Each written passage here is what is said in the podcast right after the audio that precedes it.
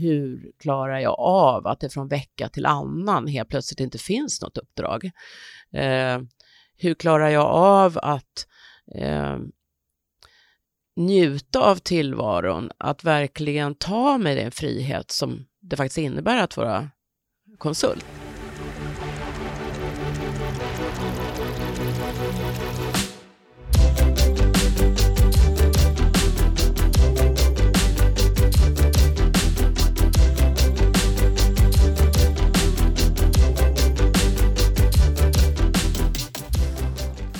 Hej och välkommen till Starta eget-podden. Jag heter Jasmine Bayramoglu och är chefredaktör för Driva eget. Och hej Karin Svensson, vår gäst idag. Hej Jasmine! Hur mår du? Jag mår jättebra, särskilt att få vara här. Ja, kul, eller hur? Mm. Idag ska vi prata om att starta företag som konsult. Det har ju du gjort själv och mm. Eh, nu har du dessutom skrivit en bok som heter just Så blir du konsult i eget företag. Ja. Eh, varför skrev du den? Och jag skrev den för att jag hade märkt att jag hade behövt den när jag själv startade. Eh, det finns väldigt mycket information på verksamt.se till exempel som är superbra. Eh, jag efterfrågar något mer som har med personen att göra. Vem är jag mm. när jag startar företag och inte kanske bara det tekniska. Och det saknade du liksom ute på marknaden? Ja, ja. Jag tänker så här, om man tittar på arbetsmarknaden i stort, mm. så är den, det känns ju som att den står i, i ständig förändring och allt fler tvingas ju eller vill bli egenföretagare. Det, det blir svårare att få hitta fasta jobb och så vidare. Som, ja. där, som det alltid har varit, att man har haft en stor bas av fasta jobb. Just det. Eh, du blev ju själv uppsagd mm. vid 50 ja. eh, och bestämde dig för att starta eget. Ja. Och samtidigt så var du ensamstående mamma till två 11-åringar. Ja. Kommer du ihåg den känslan som du hade då, när du började fundera? Ja, det var ju det här, ska jag söka ett jobb till? Och vad skulle det vara? Och jag var 50 plus, så då är det ju vanligt, eller många säger ju att det är svårt att få jobb när man är över 50. Eh, jag tror å andra sidan, säger man det så blir det en sanning. Eh, jag tror absolut man kan få jobb över 50. Men jag valde ändå att ta dubbla spår att både titta på, ska jag starta företag eller ska jag söka jobb? Eller så gjorde jag båda delarna. Mm. Men eh, jag bara kände att något med jag göra. Men du fick väl i princip ett jobb också? Ja, och Som det var du tackade det... nej till? Ja, exakt. Det var lite häftigt. Och det här är något jag kan rekommendera andra att göra också. Jag körde dubbla spår, det vill säga att sökte jobb eh, samtidigt som jag tittade på hur man startar. Och det första jobbet jag blev erbjuden så satt jag med vd eh, och skulle löneförhandla i stort sett. Och det här var ett it-företag och jag skulle jobba med försäljning. Och då frågade jag vdn, är det okej okay att vi tar det här som konsultuppdrag istället, för jag funderar på att starta. Och då sa han ja, och så blev det. Och då blev it-företaget mitt första uppdrag. Och det är ju skitbra. Det är skitbra. Men vad heter det, du är ju i botten säljare, ja. som du sa. Har det hjälpt dig, tror du, just, eller hjälpte det dig i den situationen där med chefen? Ja, så är det ju. Och sen handlar det kanske om att jag är tacksam att jag kom på den idén. För jag har berättat om den för många och alla säger, ja men det är ju en bra idé. Just det här att faktiskt titta på jobb parallellt som man söker. Mm. Eller försöker och hitta, upp, och hitta, hitta företagaruppdrag. Ja, ja, just det, hitta uppdrag den vägen. Mm. Det här blev ju din första kund. Ja. Eh, hade du startat företaget och hade du registrerat det? Eh, nej, utan jag väntade och registrerade tills jag visste att jag skulle ha uppdrag. Och nu var det ju så att jag blev, det här med jobbet kom före och då registrerade jag företaget i samband med den här diskussionen mm. med honom. Vad, hur hade du förberett dig då? då? På den tiden fanns ju inte den här verksamt.se-sajten, utan då, då var det att jag hade helt enkelt gått in på Skatteverket och tankat ner alla dessa broschyrer, eller förresten, det kanske inte alls tankar ner. Jag, på den tiden kunde man beställa broschyrerna mm. så jag kunde läsa dem i hängmattan. Mm. Uh, så det var ju mycket skatteregler, och det är det här jag menar. Uh, väldigt mycket skatteregler och, och fakta kring bokföring och sådana saker som jag fokuserade Men på. Men inte så mycket människan? Inte så mycket människan, nej. nej. Men om man bara tittar på det praktiska, ja. hur valde du, för då Då startade du som konsult. Ja. Vad valde du för företagsform då? Ja, i det här fallet så valde jag enskild firma. Och det är så här att det här var 11 år sedan och då var aktiekapitalet på 100 000 istället för dagens Mm. 50 000. Så det fanns inte på kartan för mig att eh, börja så, utan jag ville ta det nice and easy. Och då var det enklaste formen var enskild firma. Har du stannat vid det eller har du växlat Nej. om? 2010 eh, så bytte jag till aktiebolag och idag har jag aktiebolag fortfarande. Och det var för att, eh, att det helt enkelt gick bättre då, så att det var större omsättning och då var det smartare för mig att ha aktiebolag istället. Och kunna plocka ut utdelning? Ja, ja. Perfekt. Ehm, när du, eh, jag tänker när du startade där då, det, eh, som chefredaktör så är det ju många frilansjournalister till exempel, som Ja. hör av sig till mig och frågar sig, och så kan man få så här mejl, ja, hej, jag heter Anna och jag tycker att det är jättekul att, att skriva och jag är intresserad av företagsfrågor. Jag tänkte Mm. bara tala om att jag finns här. Ja, Då svarar jag nästan alltid nej, eller, eller, sä- eller jag tänker direkt att det här kommer ju aldrig bli någonting. nej. Det är för lite för mig att gå vidare på. Mm. Någonstans så tänker jag så här att jag, för mig då blir ju hela tiden, men, men vad är grejen med det här? Mm. Eh, jag vill ju inte ha någon som bara säger hej, jag finns, Nej, utan jag vill ju ha någon som säger i så fall, det här kan jag göra för Mm. dig, Mm. och så kommer med snarare Mm. ett konkret förslag. Och det Absolut. tänker jag, det finns ju väldigt starka kopplingar till företagsdrivet i i övrigt, liksom, att man måste att man ska hitta på ett varför man ja. varför man ska bli då köpt som, eller att ens tjänster ska bli köpta och så vidare. Vad, vad har du presenterat? Hur hittade du din grej? För, alltså det är ju det här, jag kanske privilegierad på det sättet att eh, jag ändå jag hade jobbat med, med sälj i 25 år när jag startade mitt företag. Och då har ju jag mycket redan från början. För mycket handlar om när man startar sitt företag, att våga. Att våga sälja in sig själv. Eh, jag tror att när man mejlar så som du nämner, då tror jag att det handlar om att man vill inte besvära, man vill inte störa. Och man vågar inte lyfta på luren riktigt för att man vill inte upplevas som en hemsk telefonförsäljare. Eh, Men min grej var, jag visste att jag var bra, jag kände mig trygg i att jag var bra med försäljning och det var ju det mitt företag skulle göra. Jobba med säljuppdrag och så.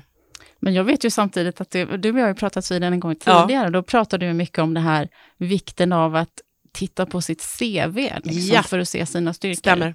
Berätta lite Ja. om det. Och det, det var också intressant för att eh, inför att jag startade, ja det, ja det är väldigt konstigt egentligen, för jag skulle ju söka jobb eh, som sagt och så skulle jag ju parallellt titta på om jag skulle starta företag. Det var egentligen först när jag gjorde ett ordentligt CV och titta på det utifrån och in så att säga, titta med externa ögon eller jag ska uttrycka det, som jag såg min röda tråd.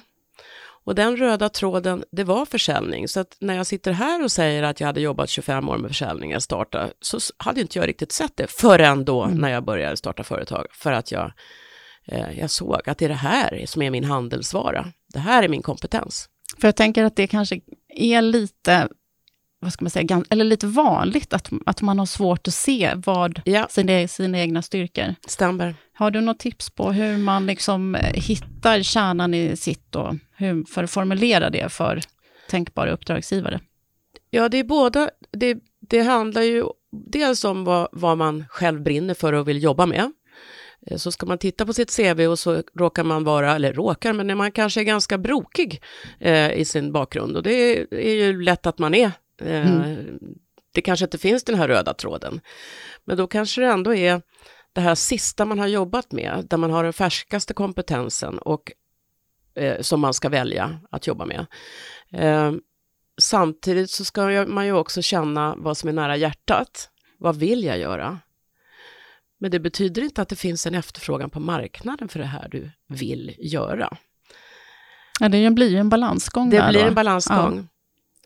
Så Hur, vad, stod, vad stod på din liksom, lista där med hjärtesaker? ja, på min lista med hjärtesaker, jag tror faktiskt inte jag hade kommit så långt så att jag såg hjärtesaker, utan jag såg nog från början mest att vad har jag? Jo, jag är säljare och jag är bra säljare och det är gångbart på marknaden. Så mycket förstod Mm. jag. Ehm, så det är faktiskt med åren som det har ändrats. Så jag började faktiskt skriva en affärsplan, ehm, fast jag tyckte att jag hade allt i huvudet. Men det var ändå bra att, att ja. sitta och nöta på det på Ja, pappret. och det rekommenderar jag alla att göra. För genom den processen, när jag satt där och skrev, så såg jag att det här är gångbart.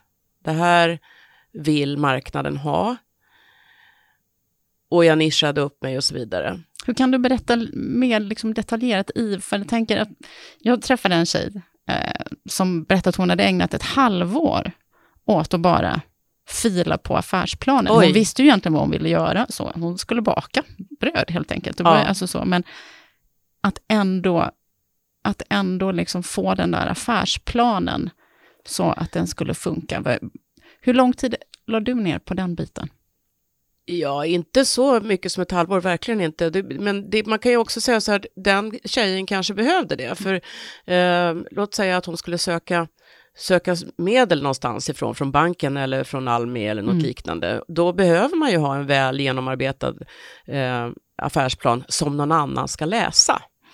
Men om du ska starta för din egen skull så är, är, är det själva processen som sådan som är viktig, inte själva dokumentet, utan det är när man sätter sig och svarar på de här olika frågorna.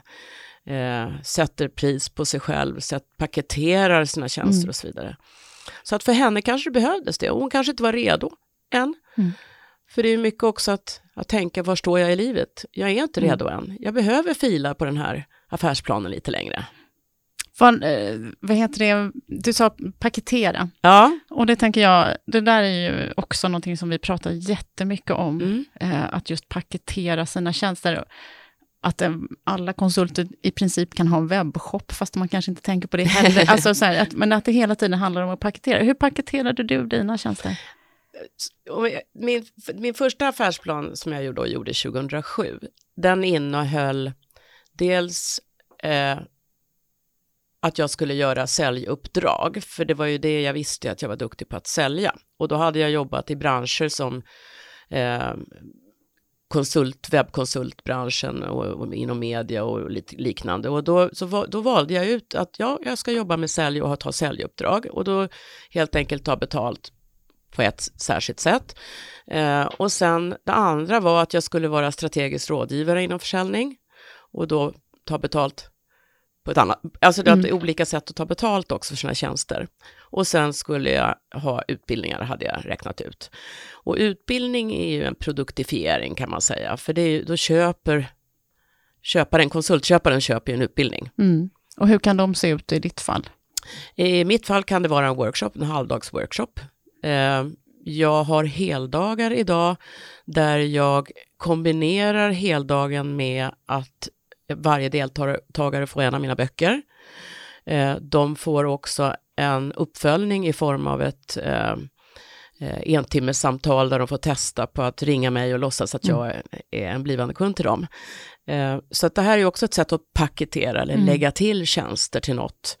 Det tänkte jag inte på då, Men- när jag skrev min affärsplan. Nej, för det är också en sån Ja. grej, tänker jag, att man, att man gnuggar om sin affärsplan. Exakt. Hur ofta har du gjort det? Eller hur många Eh, gånger har du gjort det? Ja, inte lika ofta som jag säger till alla andra att de ska göra det. kan man säga. Hur ofta säger du till alla andra då? Ja, jag bara säger att man ska hela tiden titta på eh, och följa marknaden. Ja. Eh, å andra sidan har man dokumentet i huvudet och vet om det, så det är klart att man måste inte sätta sig ner och skriva in det. Nej. Men jag tror att man ska titta på sina tjänster eh, och se på omvärlden. Det har ju hänt väldigt mycket på mina 11 år. Mm. Eh, så framförallt inom sociala medier är det otroligt mycket som händer. Så då är ju frågan, ska man då ha utbildningarna i ett annat medium också, än bara de här, när man har en workshop, Mm. eller där man faktiskt träffar folk. Märker du att det, är, att det har ändrat sig? Att man går mer från, till, från att ses ansikte mot ansikte till att man vill ha över nätet? Där, om man tänker just på utbildningsbiten. Ja, jag skulle nog att det är en kombination. Mm. Eh, jag tror att många skapar sina utbildningar eh, och har, alltså live, eh, att man träffas. Mm. Eh, och sen att man tar av den här utbildningen, kanske i form av att man spelar in små snuttar.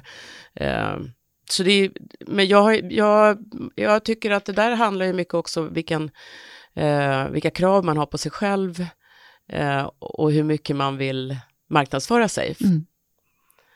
Så jag är inte jätteaktiv med att göra utbildningar online så. Nej, men, men jag tänker att det finns ju också, det finns ju också en plattform för alla, liksom. Oj, vad, ja, absolut. vad som, Ja, hur man är som person också. ja, ja. Eh, men om du tittar på vilka tjänster du har idag, Mm. hur annorlunda är de mot hur de var för 11 år sedan? ja, jag tar absolut inga säljuppdrag. Det är så. Ja, och jag Då heter ändå ditt företag House of Sales. Ja, Ja. det gör det. Men jag tar inga säljuppdrag. Det skulle jag ju kunna göra om jag till exempel tog in en underkonsult, någon som jag samarbetar med som får ta den typen av Mm. uppdrag.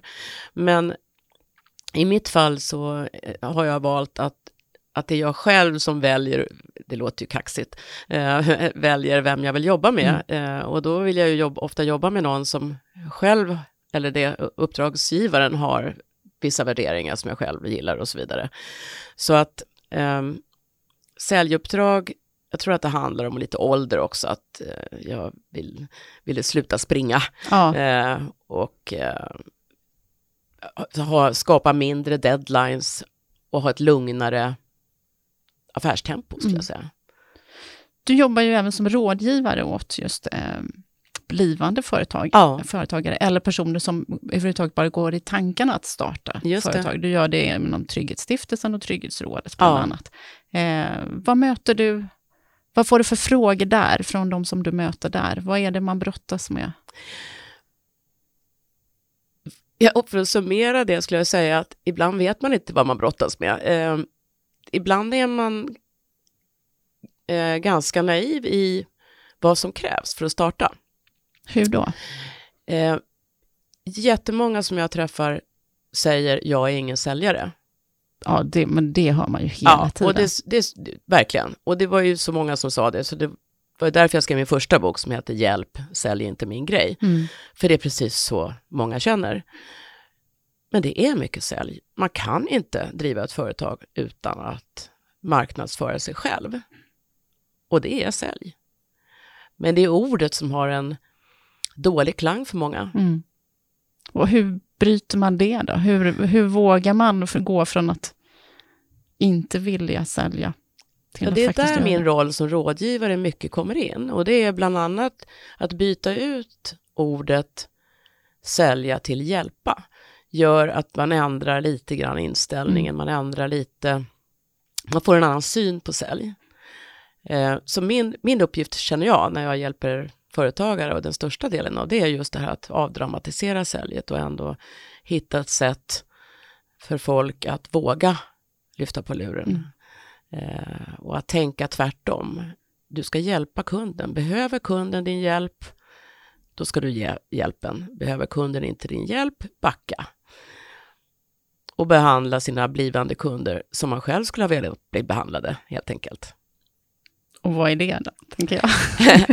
Att lyssna och se den Ja. andra. Mm. Att komma med ett konkret förslag som du var lite inne på tidigare också, det här när, när du får förslag när någon Mm. mejlar in. Å andra sidan, ju mer konkret förslag du gör, desto större risk har man ju att du inte vill ha just det där som de tycker är fantastiskt.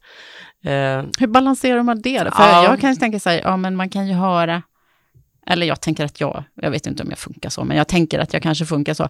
Eh, om någon kommer med, ja men det här skulle jag vilja skriva om. ja, Och så kan jag säga, ja men kanske inte, men om man skulle göra det så här. ja, Att man ändå hittar någonting, någonting i det där som gör att man blir intresserad eller Mm. nyfiken i alla fall. Eller bara Ja. får en känsla av hur, hur någon formulerar sig. Eller, just det. Och då är det, handlar det igen om att det är svårt att skicka ett mejl. Det, det har jag, säger jag många gånger, att lyft hellre på luren. men Eh, man vill ju inte det längre. nej, jag vet det. Ja. Samtidigt så är det faktiskt så att det är så få idag som lyfter på luren så att du står ändå ut som någon som är lite annorlunda då. Aha. Och det handlar igen om vad du säger. För, för säger någon något bra, ja men då blir man ju inte arg Men för att de ringer en. Men om, om du till exempel om att, ja, nu tänkte jag din första kund, men då var det ju Ja. faktiskt, du hade faktiskt sökt jobb där. Mm. Om vi tar bort den då, kund nummer två då. Mm. Hur kontaktade du den kunden och vad sa du då? Eh, Hej, jag heter Karin. Hej Karin. nej, men ja, för det första så tittar jag väldigt noggrant innan jag kontaktar någon för att förstå organisationen och förstå vem som sitter på beslut och så vidare. Mm. Och det, det, gör man ju lättast idag via bara gå in på hemsidan helt enkelt mm. och, och, kanske se, finns det en marknadschef eh, och en marknadsdirektör? Då är den marknadschefen mer operativ, marknadsdirektören är beslutsfattaren. Eh, och då får man välja strategi. Ska jag gå ända upp på marknadsdirektören först eller ska jag gå via marknadschefen? Eh, mm. eh, och sen också titta lite grann på eh, till exempel pressmeddelanden hos ett företag. Nu pratar jag i och för sig om sådana som är helt, alltså så kallade kalla samtal. Ja, det här fula. Ja, jag vet. Det är, ja. ja. Så egentligen så ska man kanske inte ringa så mycket kalla samtal, utan eh, det blev ett långt svar på din fråga. Mm, gör inget. Nej, men utan jag tänker nog att det viktigaste man har, det är sitt egna nätverk. Eh, och det är ju också något som är superviktigt när du startar också. Har du ingen nätverk så ska du inte starta företag. Men hur ska ett nätverk se ut för att ett, det ska vara något att ha? Ja, det är det du behöver analysera innan du startar. Och eftersom jag menar att en, en LinkedIn-profil, det är hygienfaktor när man startar företag. Det är egentligen hygienfaktor när man söker jobb också, oftast. Mm. Eh, så, så säger jag, eller tycker jag, att eh, att man kan omvandla den och skriva lite mer utifrån företagstänk, det vill säga vad får man som uppdragsgivare om man anlitar dig? Eh, nu tappade jag tråden. Nu kommer alla gå in på LinkedIn och kolla på din profil för att se ja. vad du skrev där om hur du har formulerat. Ja, just det, jag fick skjutsingar. Ja, nej då. du gå hem och fila nej på den. Nej, men jag, jag, jag, jag har valt att inte vara aktiv på LinkedIn, men jag har en profil som säger vad jag erbjuder, eller vad man får mm. rättare sagt, för det är det jag pratar om också. Det är viktigt att säga vad, man, vad folk får. Eh, den behöver inte vara så avancerad, men den ska ändå vara, visa med nyckelord vad kompetensen är. Och mm. kan, skulle jag kunna till exempel trolla med knäna, så har ju inte jag med det, för det är ingen som vill köpa när jag trollar med knäna. Så Så jag menar att eh, när vi har den här brokiga CVn som vi kanske har, så behöver vi tänka om så fort vi är företagare och konsulter och egentligen bara kommunicera det vi vill eh, jobba med. Mm. Och då måste man också ransaka sig själv för att hitta det, ja, precis ja. vad jag vill jobba med. Och det låter som så lätt när jag säger det. Det är som jag nämnde, jag började ju med att jag trodde jag skulle ta säljuppdrag och så vidare. Sen att, att eh, det mognade till att jag eh, så gärna ville lära andra sälja istället. Mm. Eh, så kom jag in på det här med småföretagande, för jag hade ju varit där själv. Mm. Eh, så att när det gäller Trygghetsstiftelsen och Trygghetsrådet så är det helt enkelt att jag har lyft på luren och ville jobba med dem. Och då fick du de uppdragen? Och då fick ja. jag de uppdragen. Det låter så enkelt. Ja, visst gör det. Mm. Vad har du för? För jag har märkt en sak, nej, här är lite sidspår. Jag bara tänker att jag ring, när jag ringer så ringer jag från ett 08-nummer. Ja. Det är ingen som svarar längre. Nej. Alla tror att det är en säljare, så då svarar de inte längre. Inte ah, ens mina Det har jag tänkt på att det är det det beror ja. på. Nej, man kan ju ringa från hemligt nummer också. Ja, kanske mer spännande. Då. Ja, mm. fast det är inte så schysst heller. Det, det är en balansgång det där. Mm. Men du, om man tittar tillbaka på när du blev konsult. Mm. Eh, du var ju ensamstående förälder också då, mm. två 11-åringar hemma. Mm. Eh, hur fixade du det ekonomiskt att starta? Företag då? Alltså, om man tänker också på hur, hur andra ska tänka där med ekonomin. Ja, det, det är en svår fråga, för även om jag, jag hade en buffert, men jag hade den inte som tänkt för inför att jag skulle starta företag, utan när jag startade så trodde jag ju att jag startade med det här uppdraget, eller rättare sagt, det gjorde jag ju. Eh, så då visste jag att jag skulle få försörjning via det på en mm. gång. Och sen litade jag på mig själv att jag skulle kunna få fler uppdrag senare. Eh, jag tycker, jag hann nog inte tänka så jäkla mycket, utan jag, jag slängde mig in i det. Mm. Men om du kliver in i, i rådgivarrollen nu ja, då, ja. hur tänker du då, eh, om man nu inte har den där första jättebra ja. kunden, ja. hur ska man tänka kring buffert där då, eller hur tänker ja, det, man kring... jag, jag, tror att mycket handlar om också, jag menar inte att man ska bli försörjd av sin eh, man eller kvinna eh, eller sambo, eh, men att det är klart att man tittar på sin egen omgivning, är, är man en, har man en, en familj eh, så kanske det är så att ens fru eller man är beredd att stå för kalaset ett tag medans, eller under uppstartstiden. Eh, så att man tittar på vilka möjligheter har jag? Eller också är det kanske så att man behöver börja sitt företagande genom att eh, ta en deltidsanställning för att man ska ha lite tryggare och ha en viss inkomst. Um, det var ju lite så du hade tänkt också. Där. Ja. ja. Men för, om man tänker, jag tänker att jag, har inga kunder. Mm. Jag ska starta, jag har skrivit en affärsplan, jag har gjort min paketering, jag har mm. försökt nischa mig så ja. fint jag bara kan. Och så börjar jag kontakta ja. Eh, tänkbara kunder. Hur lång tid från det att du tar, man tänker, från det att man tar första kontakten med en tänkbar kund tills att man faktiskt har fått betalt på sin faktura. Vad, kan man uppskatta hur lång tid Oj. det kan ta? Eh, om vi skulle börja nu, om jag skulle ringa upp till en kund, vi låtsas att du är kunden här, så, eh, så kanske du säger, ja, men det, det som du säger kan vara intressant, men jag ska ju inte sälja in någonting, jag ska ju sälja in att jag vill träffa dig, så att jag ska ha ett möte med dig. Jag ska inte sälja per telefon, jag ska boka ett möte. Så jag ringer till dig och säger, eh, jag heter si och så och jag jobbar med det här, kan det vara intressant att träffas? Ja, och så träffas vi.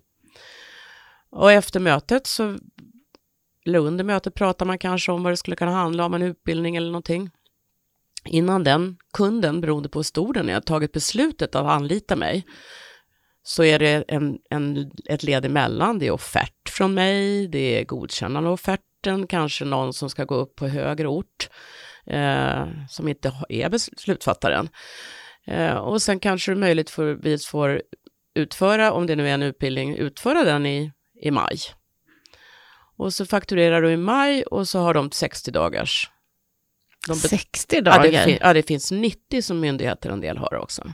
Ja, okej, men då jobbar du mot, ja, man tänker det, offentliga ja. förvaltningar. Ja. Men, men, ja. Det, men det finns fortfarande mm. inom privat sektor också några som har lång betalningstid. Däremot ska ju du själv försöka att ja, alltid få tio dagar netto. Ja, ja. Och sen finns det också så att man kan ta förskottsbetalning eventuellt eh, också. Men det, absolut, ett halvår eh, är inget ovanligt att det kan ta från första steg till, men ännu längre också. Man får helt enkelt räkna med långa ledtider. Ja, ja. särskilt om Tålamod. du tänker att du ska sälja in dig på typ en halvtidsuppdrag, eh, alltså ett, ett fast halvtidsuppdrag under en längre tid. Då är, då är beslutet ännu större för uppdragsgivaren att ta. Mm. Och då tar det konsekvent, konsekvensen är ju att det tar också längre tid innan den tar mm. beslutet. För det är mer pengar. Jag tänker att som, om man nu är konsult, mm. eh, då är det ju egentligen mig själv alltså jag ska sälja in, eller ja. det är ju jag som är produkten. Ja.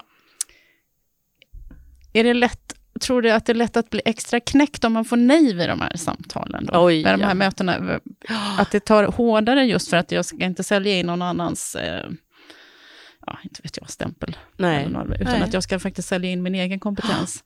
Men hur, vad, finns det någon, liksom någonting trösterikt i det här? Kan man säga att det, att det finns, det, hur många nej behöver man få innan man får ett ja? Vad är normalt? Liksom?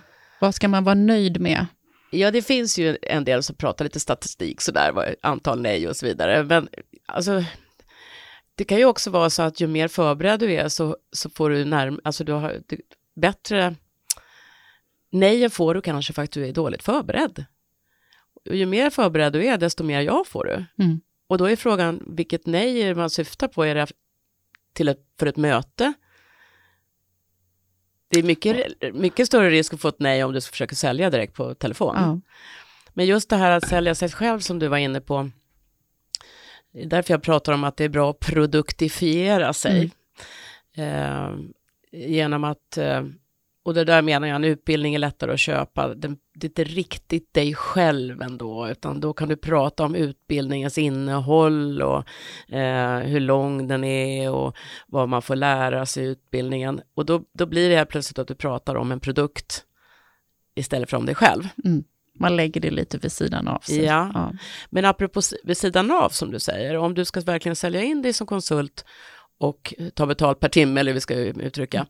Eh, att då använda en teknik är att säga är att mina kunder brukar uppskatta när de får hjälp med de här och de här sakerna.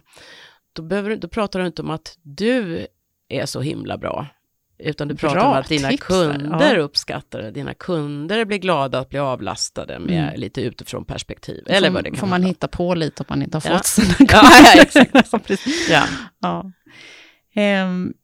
Får jag backa på en, en, en sak du sa? Jag tänkte på det här med att, att eh, innan man får sina kunder och hur lång tid. Eh, jag skulle säga så här att man startar inte förrän man har ett par kunder på gång. mm.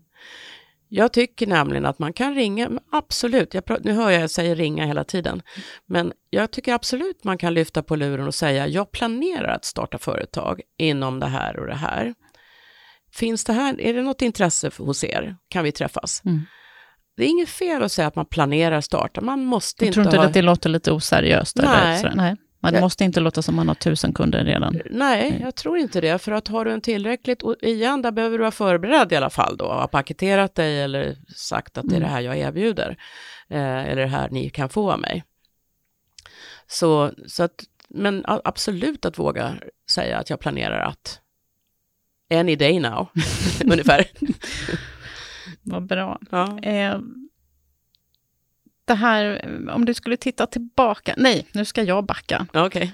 Eh, sätta priset Mm. på sina tjänster. Mm. Eh, hur gör man det? Är det lätt att man hamnar där att man tror att man ska liksom komma in om man, om man sätter det lite lägre än de andra? Mm. Är det många som gör det? Stort misstag. Stort misstag. Mm. Mm. Det är Stort svårt misstag. att höja sen, eller? Absolut, dels det, men det kan också sända signalen att man tror att den här personen inte är tillräckligt bra.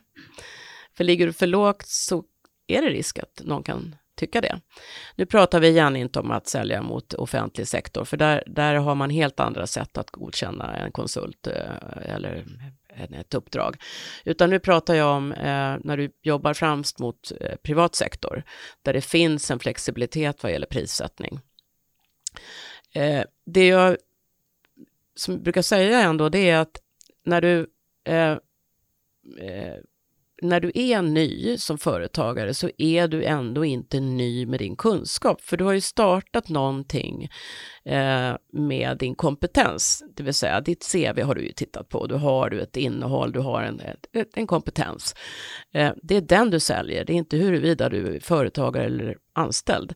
Så bara för att du inte har varit företagare tidigare så behöver man inte ha ett lägre pris, utan din kompetens är fortfarande värd mycket mer än vad Man du ska ha ofta. lite självförtroende där helt Ja, enkelt. verkligen. För ju högre pris du tar och sträcker på dig, eh, desto mer sänder du igen signalen att du vet vad du är värd. Eh, så det är både psykologiskt för en själv att man behöver Mm. sträcka sig och klappa sig på axeln lite grann och säga att det är jag värd.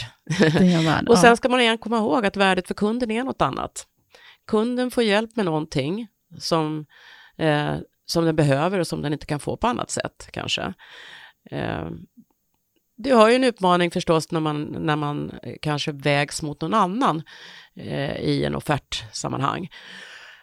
Men då ska man komma ihåg att det är inte alltid priset som styr, utan kunden köper den den vill jobba med.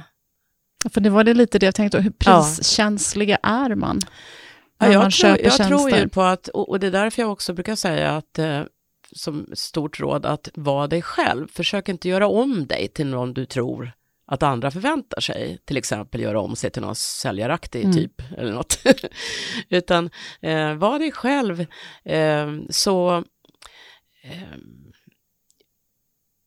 ja, då tror jag, för det är, det är dig kunden köper. Det, du ska, det, det är en uppgift är att få kunden att gilla dig helt enkelt. Och då är priset inte det viktigaste alltid. Och då får man vara lite äkta också. Ja. Mm. Om du tittar tillbaks nu, Mm. det 11 år sedan du startade, Mm. var det så? Ja. Vad, 12 blir det faktiskt i 12 oktober. Ja. vad, vad har du lärt dig om dig själv under de här åren? Oj. Ja, jättemycket. Ja, det- ja, väldigt svårt att svara på. Jag bara ser att jag har lärt mig, rättare sagt, jag har lärt mig vad jag visste. Det där lät, det där lät uh, spacigt. Vad jag menar är ja, jag har eh, lärt mig att uppskatta min kompetens och att utveckla den hela tiden. Som till exempel när jag skrev de här böckerna så tyckte jag att jag lärde mig under tiden som jag skrev böckerna. För jag var ju tvungen att titta på vad jag skrivit och se, stämmer det här verkligen? Mm. Så att, äh, ja, det, var, det är en väldigt svår fråga, men jag, jag ser att jag har utvecklats alla de här åren. Du kunde mer än vad du trodde från jag början? Jag kunde mer än vad jag mm. trodde, jag har utvecklat det jag redan kunde då, till ännu mer. Men också att jag då har fått jobba med det som är nära hjärtat igen, det här att hjälpa småföretagare. Jag tycker det är så roligt att se lyftet. Mm. Och jag skulle verkligen ha haft, velat haft det stödet själv när jag startade. Ja, för det, det är ju min sista fråga här ja. egentligen, eller jag har en annan fråga till också. Ja. Det är ju, eh, vad hade du velat veta när du startade, som du vet idag? För du sa ju att du själv saknade den ja, där boken som du nu har skrivit. Ja, liksom. just det. Att jag skulle ha tittat mindre på Nej, det ska jag inte säga heller. Jag tänkte säga mindre på Skatteverkets regler och sådär. Nej då, det måste det må, de ja, Nej, men de är ju viktiga ändå och det är fortfarande din skyldighet som eh, företagare. Det är klart man behöver veta dem eh, och det är grunden och, och, och, bokföring och allting sånt där. Så att visst, jag, jag tittade på det, men det var det tekniska. Vad jag inte vände och vred på eh, så mycket, det var just hur klarar jag av att det från vecka till annan helt plötsligt inte finns något uppdrag. Hur klarar jag av att eh, njuta av tillvaron, att verkligen ta mig den frihet som det faktiskt innebär att vara konsult. Mm. Eh, utan att tänka lika mycket på ekonomi som man kanske gjorde innan. Jag hör att det låter lite, det är klart att ekonomin är ju skitviktig. Eh, men jag har nog kommit till insikt att det viktigaste är att jag försörjer mig. Jag är inte intresserad av att tjäna några miljoner, utan det är det här att få mat på bordet. Och mm. är det så vissa tillfällen när man inte mår något bra, så får man väl lägga sig under täcket då. Och sen äta nudlar. Eh, så det är väl det här man hade velat bolla med någon. Mm. Hur, hur, hur hanterar man vardagen? Hur hanterar man att det är perioder där det inte är någon som vill ha en som man eh, kanske tänker? För jag tänker, över ett år, mm. kan du se just det här med perioder där, där det inte kommer att hända någonting? Kan man se sådana cykler under ett kalenderår? Ja, under de definitivt. här månaderna, då händer det ingenting, ja. så att är inte knäckt av det. Vilka, vilka är de? Jo, det är vanligast är väl ändå att just inom konsultvärlden, eh, för säljer du prylar så är det ju någonting annat, men just när man konsultar så är det ju väldigt vanligt, igen det beror på vilken bransch man är i, men att man ändå inte har så mycket uppdrag under sommaren eller under jul och påsk och så mm. vidare. Mm. Generellt sagt. Eh, men jag tänker att det är uppstartsperioder sen, ja, efter julen, ja, efter sommaren. Oj, oj, oj. Ja. Eh, vill, ja. Då har man uppdrag då, typ i oktober, november och sen ja. Mars, så april brukar, eller? Ja, så, så, när jag, eh, jag brukar prata om när man gör budget inför sitt företagande, att man ska räkna med 38 timmars, nej förlåt, 38 veckors eh, år. Okej. Okay. Eh, och det är väl egentligen max antal veckor man jobbar menar jag. Det motsvarar ungefär 10 månader. Och då har man alltså tagit bort sommartid ganska mycket. Och så har man tagit bort halva december i stort sett, för det är inte så många som har mm. tid att träffa henne i alla fall när man börjar ringa kring Lucia. Eh, och sen de första två veckorna i januari är det heller inte så många som eh, har kommit igång mm. än. Och igen, ska du få möte och nya uppdrag så är det först mötet och sen sätter du uppdraget igång. Så att, ja, när man det gäller också att hitta en rytm där, att hela yes. tiden kontakta nya ja, för att få... Alltid, alltid. Mm. Och till exempel kanske eh, förstå att när man, börjar, när man ringer i maj, jag pratar fortfarande om ringandet, mm. men eh, tar kontakter med kunder i maj till exempel, så kommer de säga, nej men nej, jag hinner inte innan midsommar, vi får ta det i höst. Mm. Uh, och att då faktiskt kanske våga säga, men kan vi boka ett möte redan nu kanske i augusti? Uh, och då igen, vi, första veckorna i augusti, ja, det, sen är vi inne i september. Mm. Men att man hela tiden tänker att när jag är i maj, då är det bara, uh, då är det en stor lucka ända fram till, till september. Ja, ja, verkligen. Mm. Så man måste ha framförhållning och framförallt när du budgeterar, att du budgeterar Du ska ju ha lön för varje månad, men du kommer inte få in pengar varje månad. Mm. Så det gäller verkligen att ta hänsyn till det där och då behöver du tjäna desto mer alltså de andra månaderna. Det är därför man inte ska sälja sina timmar för billigt. Med Nej, andra. Just, det. just det. Men du, jag bad dig förbereda slutpunkten här. Ja. Tips på hur man lyckas som konsult. Oj. Shoot. Mm. Mm. Nu har jag ju sagt en del tips på ja. vägen. Jag tänker, det, men det viktiga som jag vill återkomma till, det är det här igen, att, att, eh, att vara mer påläst innan man trycker på startknappen. Att man inte sitter och väljer mellan enskild firma och aktiebolag och skatteregler hit och dit det första man gör, utan att man först kanske tittar på, klarar jag det här i min nuvarande situation? Gillar man min familj att jag gör det här? Har man inte stöd av sin eh, sambopartner eller vidare så, så kommer det bli, du jobbar emot mm. eh, eh backe, uppförsbacke heter det hela tiden. Eh, titta igen, har du möjlighet att jobba något lite extra på någonting eller kanske jobba något eh, som du eh, låt säga att det är någonting du vill jobba med som ligger dig nära om hjärtat och du vet att det är inte den bästa avkastningen, då kanske du är tvungen att jobba med något annat för att frigöra tid för att kunna jobba det där med mm. det här som du verkligen vill ändå. Eh, men framför allt den här förberedelserna att gå in och titta på nätverket. Är det så att min frisörs bror jobbar som in, upphandlare på en eventuellt blivande kund, skitbra. Eh, så det privata nätverket, och man ska inte fega där, utan man ska verkligen våga, våga fråga. Ja. ja. Så det privata nätverket och eh, även börja räkna på hur mycket behöver jag minst för att klara mig. Och så räknar man lite lägre än det. Mm. Eh, så mer av, klarar jag av den här osäkerheten? Och framförallt, klarar jag av att sälja mig själv? För då är ju det, sälja dig själv. Ja. Det var ju det man inte skulle göra. Nej, men, ja. ja. men du ska ju, ja. okej, okay, du ska hjälpa dina kunder, men för att kunna hjälpa dem så behöver mm. du ändå sticka ut hakan. Så mm. det är det jag menar med sälja dig själv. Karin Svensson, tusen tack för att du kom till Starta eget-podden. Ja, tack själv. Ha det så gott. Mm. Hej då. Hej. Åh, vilket avsnitt!